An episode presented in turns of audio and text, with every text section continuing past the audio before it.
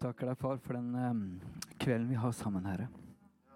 Jeg takker deg fordi du er her nå, og um, akkurat sånn som i apostlenes gjerninger, så er du her.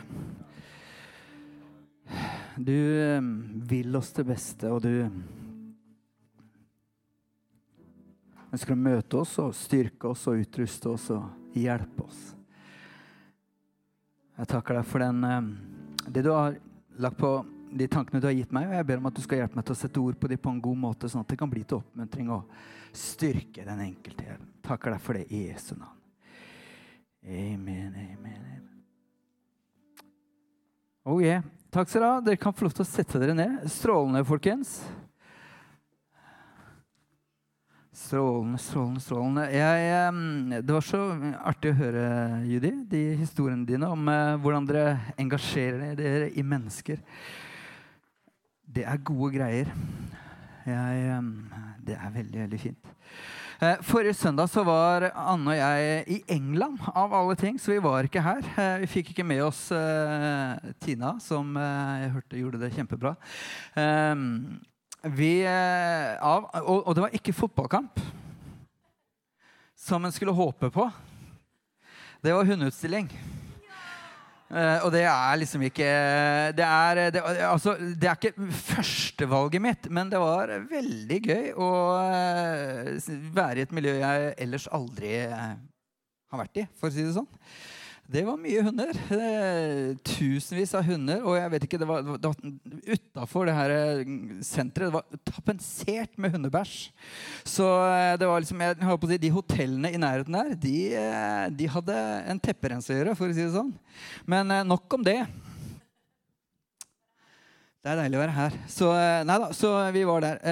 Jeg kan også si at det var en grunn til at vi var der, for vi har en hund som ble vist fram. Eh, han er dum og deilig. Eh, så det er en skjønnhetskonkurranse, da. Så han, eh, han, kom ganske godt ut òg. Så det er gøy. Nei, altså At du måtte spørre Han kom på fjerdeplass. Eh, og det her, altså Det, det høres Jeg, jeg så fjerdeplass, tenkte jeg. Er, har vi reist hit for det, liksom, så det gikk så fort? Er det alt? Men så viser det seg at det er ganske bra, da, for det var et slags VM. Eh, på en måte, Så det var kvalifisering rundt omkring i verden, og du må kvalifisere for å komme dit. Så det var veldig fint. Ok, Nok om det. Så vi håper på avl nå framover. Det er det som er store. Nå skal vi tjene penger på eh, det vi kaller godt norsk prostitusjon. Så sånn er det. Eh, vi går videre.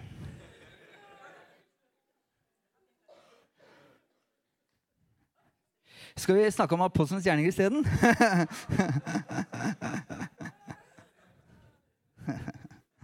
vi gjør det, vi. Eh, eh, den måneden her så leser vi apostelens gjerning sammen. og um, Det er 19. mars i dag, så vidt jeg vet. Så jeg, jeg, vi har kommet sånn cirka til kapittel 19 da, i apostelens gjerninger, vil jeg tro. Og hele poenget med å lese apostelens gjerninger på den måten sånn som vi gjør, eh, eller ha den måneden hvor vi leser Bibelen sammen, det er jo egentlig ikke for at vi skal ha noe å snakke om her på søndagene, men det er jo egentlig for å hjelpe eller oppmuntre til at vi kan lese noe sammen, og at vi kan uh, bruke tid i Bibelen uh, sammen og, og, lære noe av den. Så jeg, jeg håper endelig at du har oppdaga noe bra og at du har gjort deg noen refleksjoner. Eh, aller mest så håper jeg at du har lest og, og, og, brukt den anledningen. Um, fordi det er så godt å kunne lese eh, Bibel, og jeg er utrolig glad for å lese Bibel sjøl. Det er kanskje min favorittaktivitet. Så, um, og det var ikke skryt, da. Det var egentlig hørtes sånn ut. Men, det, men, jeg liker det veldig godt. da, så det er noe sånn.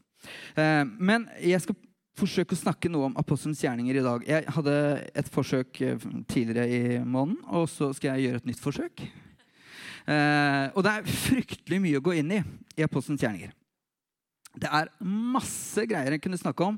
Eh, av, av, av, historier og lærdom osv. osv. Eh, men jeg skal prøve å gi et, et, form for overblikk. Prøve å oppsummere litt i en eller annen, eh, Gjøre et forsøk på noe. Eh, og Vi skal lese i Apostelens gjerning kapittel 2, vers 16-18 sammen. Fordi Her er det en tale da, som Peter holder etter at pinsedag-hendelsen har vært. Eh, og Jeg leste det sist også, men jeg skal, jeg skal snakke noe mer om eh, og utvikle det her noe mer. Eh, men, men, han hadde en tale for å forklare, og der sier han Men her skjer det som er sagt gjennom profeten Joel. I de siste dager skal det skje, sier Gud, at jeg skal øse ut min ånd over alle mennesker. Deres sønner og døtre skal tale profetisk. De unge skal se syner, og de gamle skal, se, eh, skal drømme drømmer. Selv over mine slaver og slavekvinner vil jeg i de dager øse ut av min ånd, og de skal tale profetisk. Jeg har lyst til å lese det en gang til. Ja. Fordi det her er av kjerna i hva apostlenes gjerninger handler om, egentlig. Eh, men her skjer det som er sagt gjennom profeten Joel. I de siste dager skal det skje, sier Gud, at jeg øser ut min ånd over alle mennesker. Deres sønner og døtre skal profetere, de unge skal se syner, og de gamle skal drømme drømmer. Selv over mine slaver og slavekvinner vil jeg i de dager øse ut min ånd, og de skal tale profetisk. Eh, et par ting til å begynne med. For det første det her er et heftig løfte. For det han sier er at i de siste dager skal jeg øse ut av min ånd over alle mennesker. Eh, og det er liksom ikke sånn, fordi en kan tenke, Nå leser vi Apostlenes gjerninger og tenker ja, men det er fint, de var nok spesielt utvalgt. Det var en spesiell, eh, spesiell nådetid, eller det, det, var en spesiell periode. De var, det, var noe helt spesielt med de. Jo, det, det er klart, det var en unik situasjon, men det han sier her, det er at dette gjelder alle mennesker. Med andre ord, han, han øker eh, nedslagsfeltet ganske betraktelig fra å være gjelde de, eh, de, som var på øvre salen, og de som opplevde det der på pinsedag. Han, han, han åpner døra helt og sier dette gjelder alle mennesker. Så jeg vil jo påstå, da, altså med en så generell invitasjon, så gjelder det deg og meg også. Det gjelder her og nå. Vil du ikke tenke det? Og det er liksom ikke sånn at han skal gjøre noe nytt. Han har allerede gjort det. Han har øst det greiene her ut over oss. Og nå var det respektløst å si det greiene her, men, men, men, men han har øst Den hellige ånd utover alt allerede. Han er her nå. Han er tilgjengelig her nå. Og det neste kjapt jeg har lyst til å si noe om her, det er at det han sier også han henviser til det som skjedde tidligere på pinsedag, hvor, hvor, hvor, hvor, ildtunger og det var vind og det var uh, ting som skjedde. Uh, de, begynte å snakke med nye språk og, og alt der. Han henviser det, og så sier han nå skjer det. Det er sånn det ser ut. Det er sånn det ser ut når Den hellige ånd får lov til å virke. Når, når, det, når, det, når, han, han faller, så er det sånn det ser ut. Eh, det kan minne meg litt om eh, Johannes døperen. Han skulle dobbeltsjekke eh, om, om, Jesus virkelig var den han trodde han, eller håpa han skulle være. Så han sendte disiplene sine bort til for å spørre er du den vi venter på, eller er det noen andre. Og da svarer Jesus, se hva som skjer rundt deg. Dette er beviset på at jeg er den som du venter på. Og det er det samme her. Han sier det er noe som skjer når Den hellige ånd faller. Det er noe som, det er noen tegn, det er noen greier som er der når Den hellige ånd er til stede, og når han faller. Og dette er det som skjer nå. Og nå vil jeg påstå uh, at det er, kanskje, det er en forenkling å si at alt det skjedde den dagen. Jeg tenker kanskje, kan heller si det sånn at det var starten. Det var starten på vanvittige greier. Og jeg, Hvis du har lest uh, siste, de siste dagene uh, sammen med meg, så, så kan du lese videre om ganske heftige ting som skjedde. Uh, og jeg syns det er vanskelig å snakke om, fordi hvis du tar det her på alvor, så er det ganske utfordrende. Så når du leser videre, så Jesus sa at de skal få kraft i Den hellige ånd kommer over dere. Og du kan se det var lammet som ble helbreda. Det var halte som ble friske igjen. Det står til og med at skyggen av Peter, bare den falt på mennesker, så ble de helbreda. Peter opplevde at døde ble vekt opp. Altså, de kom til live igjen. Og det er klart, altså, jeg, jeg, vet ikke hvordan, jeg, jeg, klarer ikke helt forestille meg hvordan det her ser ut engang. Men, men det skjedde en hel del ting der som på en måte tenker wow, det sprenger hvert fall en del begrensninger hos meg. Jeg tenker, Tenk om dette er mulig? Og det neste eh, som, som, som, på en måte Og det står jo ganske tydelig i den teksten vi leste òg. Det var den kommunikasjonsbiten. Han sier at eh, eh profetier, syner, drømmer osv. Og, så og når du leser Apostelens gjerninger, så var det, ikke, var det ikke sånn at ja, nå sa han det. Nei, det skjedde virkelig i den perioden som lå foran dem. Altså, Jeg vet ikke om du husker jeg, leste, jeg husker ikke hvilket kapittel det er i farta, men Peter ble fengsla. Og så kommer det en engel og leder han ut av fengselet. Dører åpner seg av seg sjøl, og han kommer ut fri og kommer tilbake til uh, forsamlingen sin, er, eller uh, til gjengen sin som er samla i bønn for nettopp Peter. Og de blir helt sjokkert. 'Oi, er du her, liksom? Er ikke du i fengsel?' Du har syner. Paulus hadde syner. Ananias hadde syner. Det var så mange forskjellige mennesker som opplevde at Gud talte dem gjennom et syn. Vi snakker om eh, deres sønner og døtre skal tale profetisk. Det er kanskje ikke så Det, det er, liksom ikke, det er bare sånn kuriositet, men eh, det står om Philip, han som var eh, evangelisten, som de kalte den. Han hadde døtre som hadde profetisk gave, så de talte profetisk. Så det er jo direkte. Deres sønner og døtre skal tale profetisk. Og Angående Philip, det som er litt interessant, hvis du leser i kapittel 8, vers 29, så står det blant annet at hvordan Philip han, han fikk, fikk, fikk, beskjed om at han skulle gå bort til den veien som er øde. Og når han var der, så så han en, en etiopisk hoffmann som satt og leste i Bibelen. Og så hørte han Den hellige ånd tale. Gå nærmere. Så du kan si, den kommunikasjonsbiten funka jo der. Eh, og Apropos han, altså det som skjer rett etterpå, det er en, en, en teleportering. Jeg synes det er morsomt. Altså han, han, han forteller, eh, han forteller, forklarer Isaias 53 som han leser. Han, eh, han døper den umiddelbart. Og mens han står der i vannet, så blir, så blir han borte.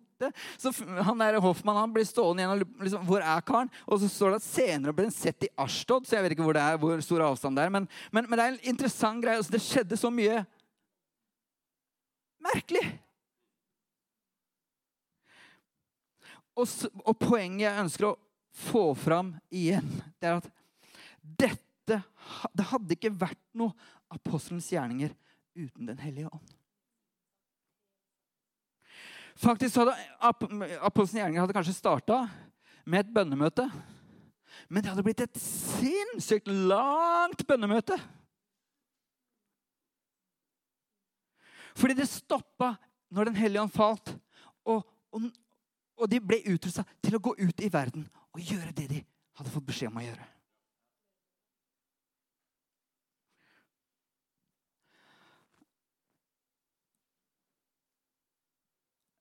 Om de hadde prøvd å få det til, så hadde de ikke fått det til. Altså, prøv å arrangere pinsedag, da. Nå er det pinse om ikke så mange måneder. Vi kan ikke arrangere pinsedag. Det er Gud som griper inn. Det er han som gjør ting. Gud er Gud. Så vi har jo spøka med det her at kanskje brevet egentlig burde hett Den hellige ånds gjerninger. Men så heter det apostelens gjerninger. Og jeg har lyst til å ta tak i akkurat det apostelens gjerninger. Fordi Hvorfor heter det apostelens gjerninger? Fordi det er Den hellige ånd som er så viktig i det som skjer der. Og nå har jeg egentlig lyst til å ta det ned på landjorda litt, bare for, for, å forklare litt og sette det her litt i perspektiv for oss. For det, hva var det apostlene gjorde i denne boka her? Jo, de gjorde det de kunne gjøre. Det de skulle gjøre. Og Du kan lese om det i Apostelens gjerning kapittel 2 vers 42. Så står det de holdt seg trofast til apostelens lære, til fellesskapet, til brødsbrytelsen og bønnene. Og de ble grepet av ærefrykt. Mange under og tegn ble gjort. Alle de troende holdt sammen etter, og, og, og, delt, eh, holdt sammen og hadde alt felles. De solgte eiendommene sine og delte ut til alle etter hvert som Hver enkelt trengte det. Og hver dag holdt de trofast sammen på tempelplassen og i hjemmene. Brøt til brødet, og de spiste sammen med oppriktig og hjertelig glede. De sang og lovpriste Gud og var godt likt av hele folket. Og Herren la til de som, de som lot seg frelse. Saken er at, Hva var det de gjorde? Jo, de holdt seg til det de skulle gjøre. Altså, Gud er Gud, og han griper inn, og han gjør en hel masse ting. Men det, ikke, det har ikke vi alltid kontroll over. Vi kan gjøre det vi skal gjøre. Og hva var det de gjorde? Jo, De holdt seg trofast til fellesskapet. De søkte Gud, de var sammen, de, de, de, de hadde brødspillelsen. Og de tenkte vet du hva? Vi ønsker å bli kjent med Gud, vi ønsker å lære om han, vi ønsker å be til han, vi ønsker å være tett på han. En av de tingene som jeg studerer nå, faktisk, altså jeg bruker en del tid, ja, Et tema jeg egentlig ikke har studert så mye. Dessverre. Men det er bønn. Og jeg har brukt ganske mye tid den siste bare på tråle det her temaet bønn. Og det, Er det én ting som kanskje popper opp hos meg, det er at det viktigste vi kan gjøre, det er fellesskap med Gud. Fordi det er i fellesskap med Gud livet utgår. Det er der det skjer. Altså det, ordspråkene kapittel 4, 23 sier det at eh, ta vare på hjertet ditt, fordi eh, livet utgår, utgår, fra det. Men saken er det er ikke hjertet i seg sjøl som produserer livet, men det er hva du putter i hjertet, som produserer livet. Og de putta det her i livet, og de holdt seg til det her fordi det skaper en eksplosjon i ditt indre som har effekt i livet du lever, og i menneskene rundt deg som du møter. Så det at de holdt trofast øh, ved det her, det skapte noe. Det, det, det, det forvandla det, og det, det, momentumet som Den hellige ånd hadde skapt i det, det kunne fortsette. Og det andre de gjorde, de gikk ut og fortalte om Jesus overalt, står det. Du kan se det siste verset i uh, Matteus 28, så står det Og de gikk ut overalt, og Herren virket med og stadfestet ordet. De gjorde det de kunne gjøre. Det de hadde kontroll på. Det de hadde eh, eh mulighet til å kunne gjøre noe med. Og så får Herren gjøre resten.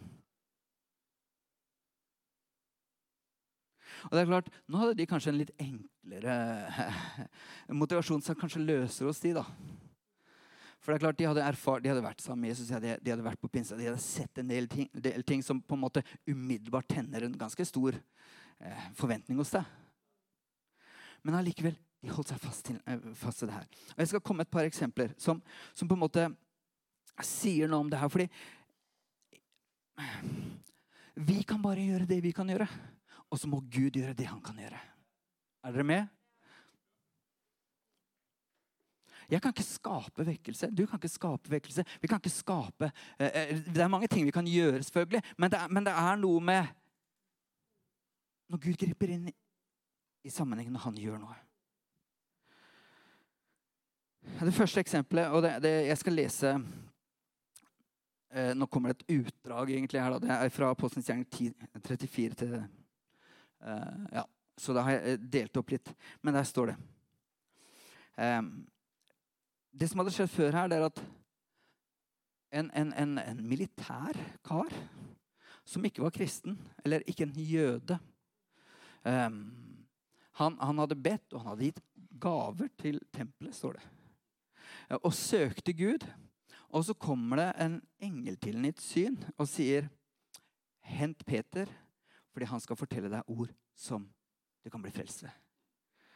Så han sender gjengen sin eh, til Peter, og Peter er da oppe et, uh, i Joppe. og Han sitter, står oppå et hus og, og, ber, har sin uh, bønnetime. Og mens han ber, så ser han et, et, et, syn. Er, om, omstendighetene er så heftige, men er, uh, han har et syn. Og han står der, og, og så sier han det kommer noen ned på døra nå som skal som vi, vi henter deg, og du skal si ja. Bare bli med de. Så det som skjer er at Da kommer han ned til den eh, han, eh, militære karen, og så stå, sier han Da tok Peter til orde og sa, 'Nå forstår jeg virkelig at Gud ikke gir forskjell på folk.' Men eh, at han fra alle folkeslag tar imot dem som frykter ham, og gjør det som er rett. Dere kjenner det ord som er sendt til Israels folk, det gode budskapet om fred ved Jesus Kristus, han som er herre over alle, osv. Så, videre, og så, videre, så forklarer han litt, eller forkynner han evangeliet. Fordi at Jesus kom eh, for mennesker for å, for å liksom bare gjøre godt. Fordi Gud var med ham, osv så står det fra vers 44 da, Mens Peter fremdeles talte, så kom Den hellige ånd over alle som hørte ordet. De troende av jødisk mm, ett som var kommet dit sammen med Peter, ble forskrekket over at Den hellige ånds gave også ble øst ut over hedningene. For de hørte dem tale i tunger og lovprise Gud. Da sa Peter, disse har fått Den hellige ånd som vi. Kan vi da nekte dem vannet og hindre dem i å bli døpt? Nå sto ikke det der. Beklager det. Men eh, jeg leste det, så du fikk høre det.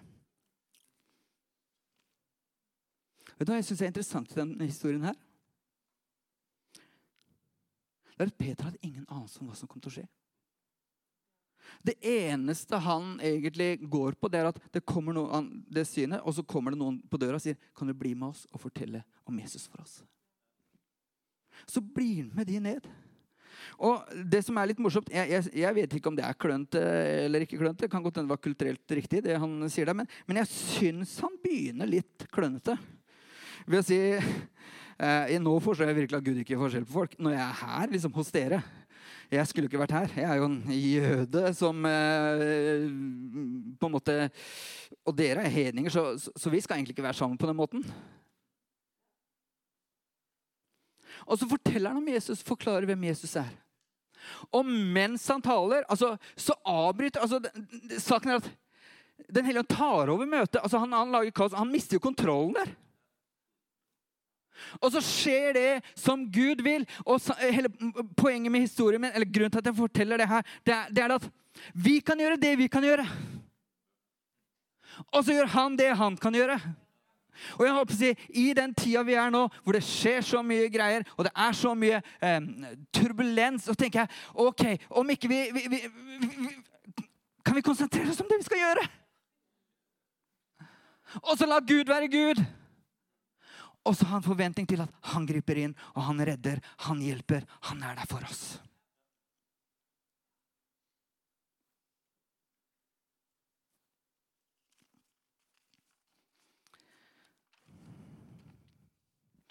Den hellige ånd kom over alle. Og faktisk så er det her så uventa og så spektakulært at det blir et tema på menighetsmøtet i Jerusalem. De tenker Hva i all verden var det som skjedde der? Dette er uhørt. Fordi Gud har andre tanker, han har andre planer. Han vil møte mennesker.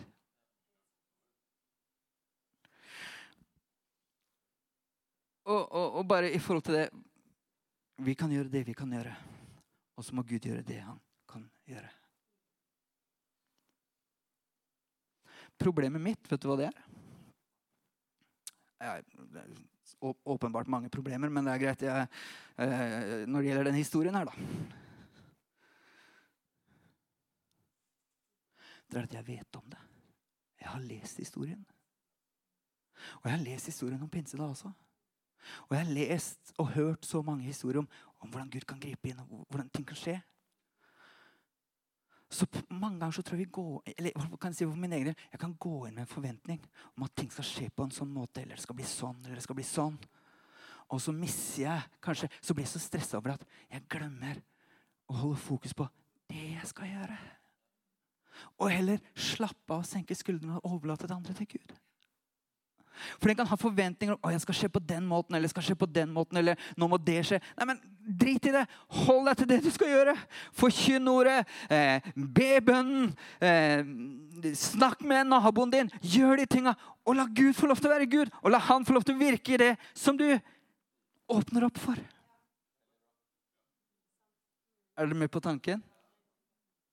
Og nå mener ikke jeg for å snakke ned alt det her overnaturlig. Jeg, jeg, jeg, jeg sier det her for det kan ikke vi gjøre noe med. La oss holde fast ved det vi kan gjøre.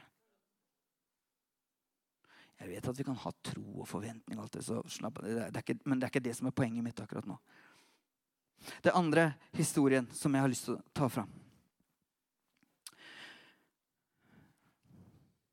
altså, eh, Når det gjelder akkurat det her Det er fascinerende hvor mange av de historiene, når du leser de, hvor, hvor de blir sjokkert over hva som skjer. Jeg nevnte den engelen tidligere òg. Peter. Altså, Peter skjønner jo ikke at det er en engel. Han tror det er et syn. så Det går jo opp for ham etterpå liksom når han kommer ut, at oi, hva har skjedd her? Liksom, dette var jo, det var jo ekte.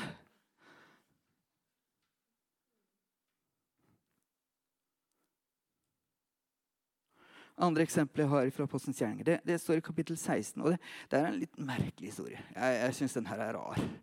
Uh, jeg må jo si det. Men det er mange historier jeg undres og jeg, funderer litt på. Og der står det det er, Pet, nei, det er, Paulus. Han har vært, uh, han har vært på en rundreise. og det, I versene før så står det hvordan han, han, har reist rundt omkring. og Han har vært uh, oppmuntring for kirkene, og, han, og, og, og stadig nye har, har, har kommet til. Det har, blitt, eh, det har, vært vekst overalt hvor han har vært. Men så står det her så, men Den hellige ånd hindret dem i å forkynne ordet i Asia.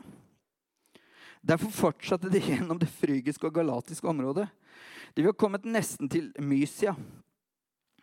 Og da prøvde de seg videre til Beatyna. Men Jesu ånd ga dem ikke lov. Da dro de gjennom Mysia og kom ned til Troas. Om natten hadde Paulus et syn. Han så en makedonier som sto og kalte på ham og ba, 'Kom over til Makedonia og hjelp oss.' Da han hadde hatt dette synet, forsøkte vi straks å komme til Makedonia, for vi skjønte at Gud hadde kalt oss til Det er en litt merkelig historie. Altså, de, de, han prøvde å reise til forskjellige steder, og så ble han hindra.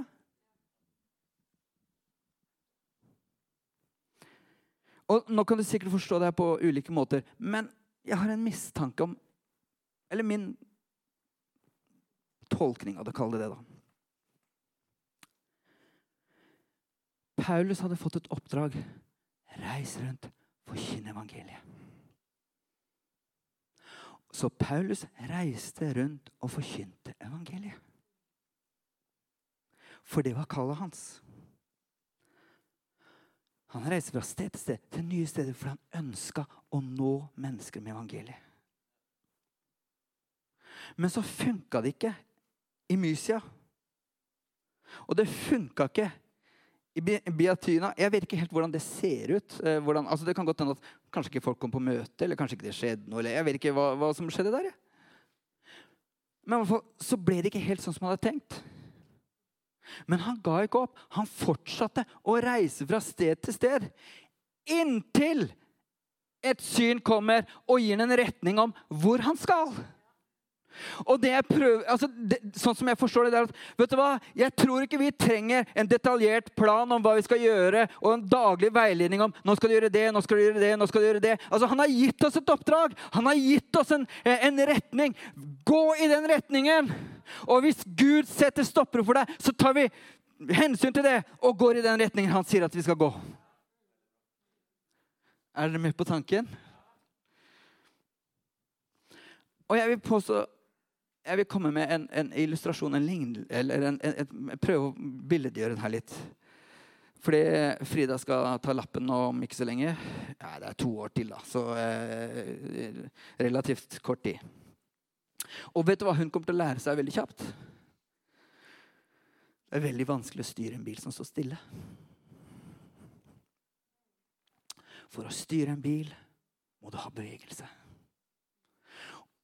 Og skulle ikke forundre meg om det er sånn i Guds rike også. At for at han skal lede oss og hjelpe oss til å gjøre de ulike tingene, så må vi være i bevegelse. For når vi er i bevegelse, så er vi aktive. Vi trenger at Den hellige ånd er med. Vi trenger at han virker. Vi trenger at han, han stadfester. Vi trenger alle de tinga.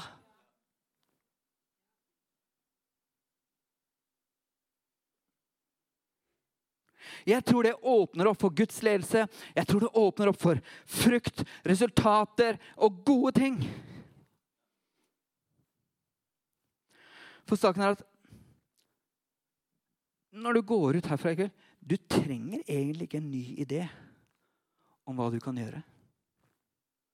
Vi vet veldig godt så mange gode ting som vi kan gjøre. Vi har massevis av kunnskap til å gjøre enormt mye bra.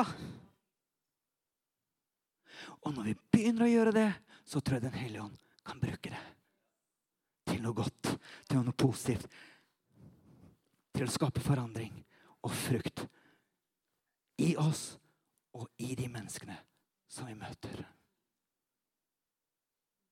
Gir det mening? Og er, jeg, jeg, tror faktisk det hele kjerna i apostelens gjerninger. De fikk Den hellige ånd, og så var de aktive. De gjorde ting, de tinga som, som, de var bedt om å gjøre, og så skjedde ting. Jeg tror det er noe Gud kan bruke.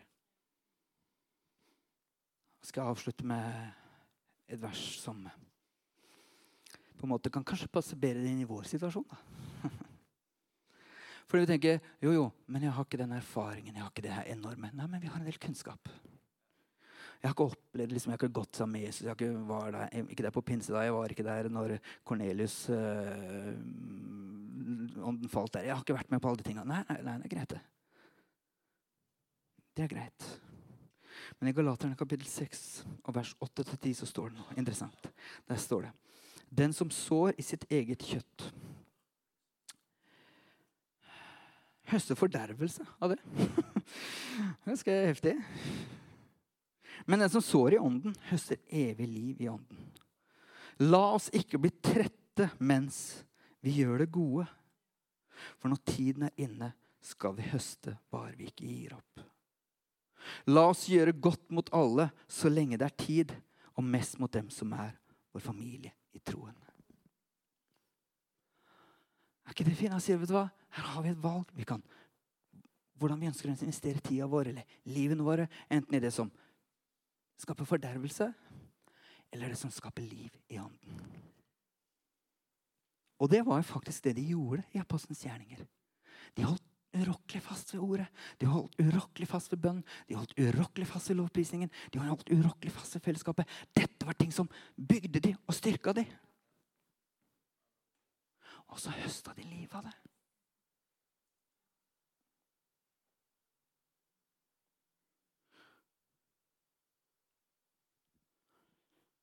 De høsta livet av det. Og jeg vet ikke hva slags situasjon du, de er i. For når, når, Paulus skriver det her til de folka, så Jeg vet ikke, Kanskje de var i en krevende tid. Kanskje det var en sånn tørketid. Kanskje det, ting butta litt, så, så, de trengte en oppmuntring på at vet du hva, ikke gi opp, folkens. Fortsett. Eller kanskje det bare var at det, det mye bra skjedde der, og de skulle bare få liksom, bare fortsette gode arbeidet. Jeg vet ikke.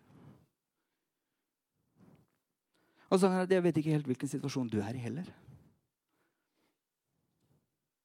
Kanskje ting er krevende, kanskje Gud virker langt unna. Kanskje ting er vanskelig. Og det Paulus oppmuntrer oss til, er å ikke gi opp. Men holde fast. Ikke gi opp, men holde fast. Og fortsette å gjøre det gode. Fordi vi skal høste av det omsider. Vi skal høste av det. Jeg vil faktisk si det sånn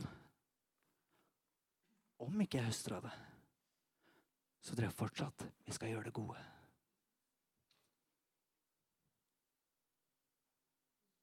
For jeg har ikke noe annet valg. Det er å følge Jesus, gjøre det gode.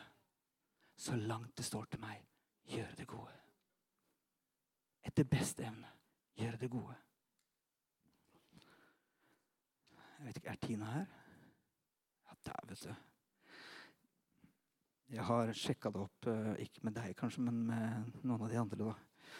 Men i går var det Nei, i går. Fredag så hadde de delekveld på Arena Ung. Um, og jeg fikk noen rapporter derifra. Og det som var så gøy, det var at det var en, det var en linje, en kø av unge mennesker som ønska å fortelle sine historier om hva Jesus har gjort i deres liv. Anne kom hjem, for hun var der og, og var så oppmuntra for det. Det var så gøy å høre. Det var bønnesvar. Det var historier der de snakka om troen sin til, til, til, til, vennene sine. Det var faktisk sånn at eh, det var en som hadde hatt en drøm om natta. som hadde gått i oppfyllelse. Det er ganske fascinerende.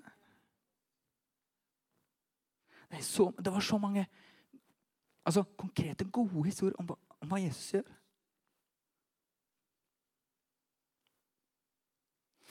Jeg, jeg, jeg, en av historiene var sånn at det var en, en Dere kan komme opp, eh, folkens. Eh, sorry at jeg glemte det bort.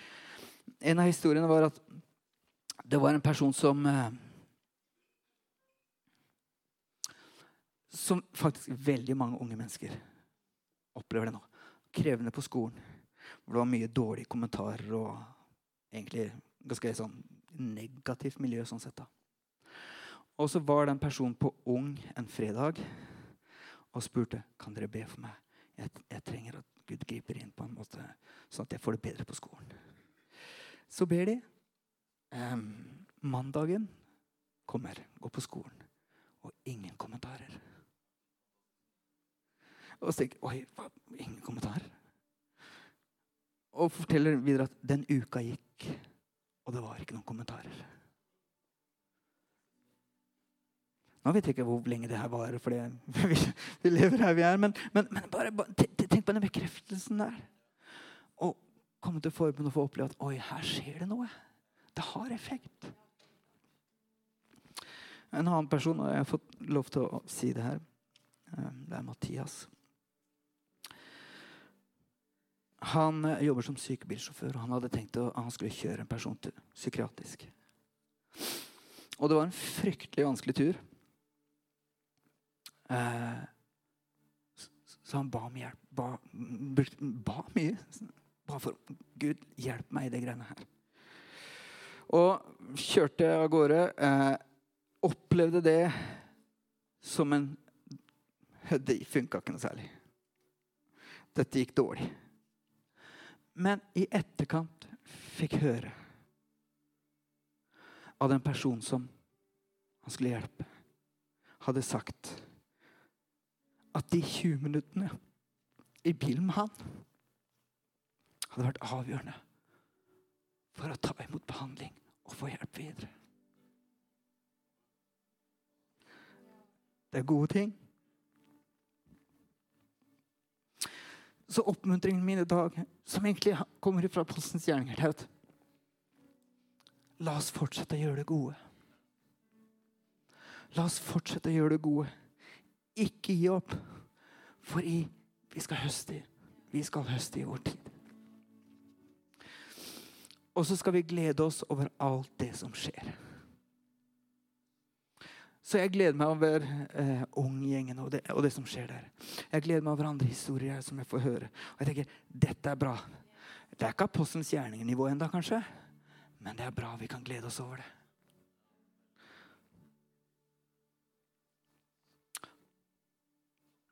Og så vil vi fortsette å gjøre det gode. Og selv om ikke vi høster eller ser noe akkurat nå, så stoler vi på Gud og Hans nåde om at Han virker. Han griper inn.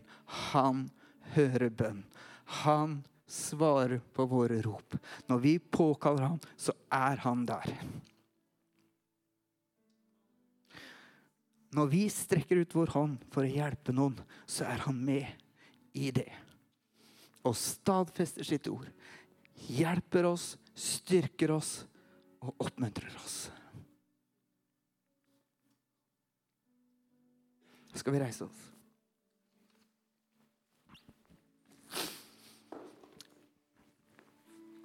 Jeg takker deg, far, for hver og en som er her nå, Herre. Jeg takker deg for apostelens gjerning, for hvordan den kan være en,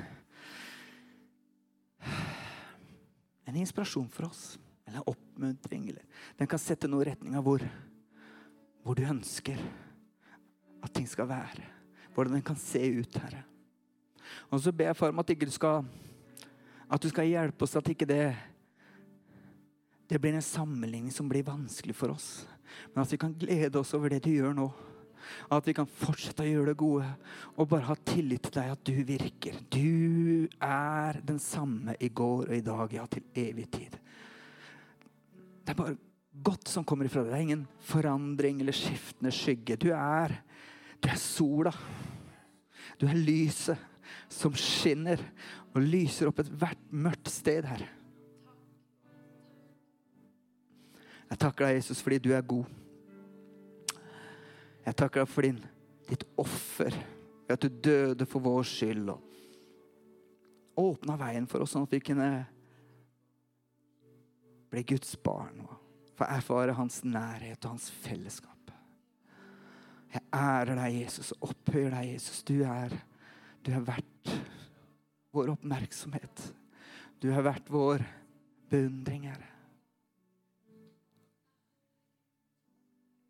Og så ber jeg for, for alle de tingene som, som, du har talt til oss som er her nå. Jeg ber om at du skal vekke til live ideer. At du skal eh, bare hjelpe oss å forvalte det vi allerede har fått, på en god måte. Herre. At vi skal bruke det til beste for mennesker rundt oss. At vi ikke skal gjemme det bort. Putte det under en, eh, Bare gjemme lyset vårt, men at vi skal få lov til å la det, at, at vi bare skal la det skinne, Herre. Jeg takker deg for det. Og ærer deg for det i Jesu navn. Ærer deg, Jesus.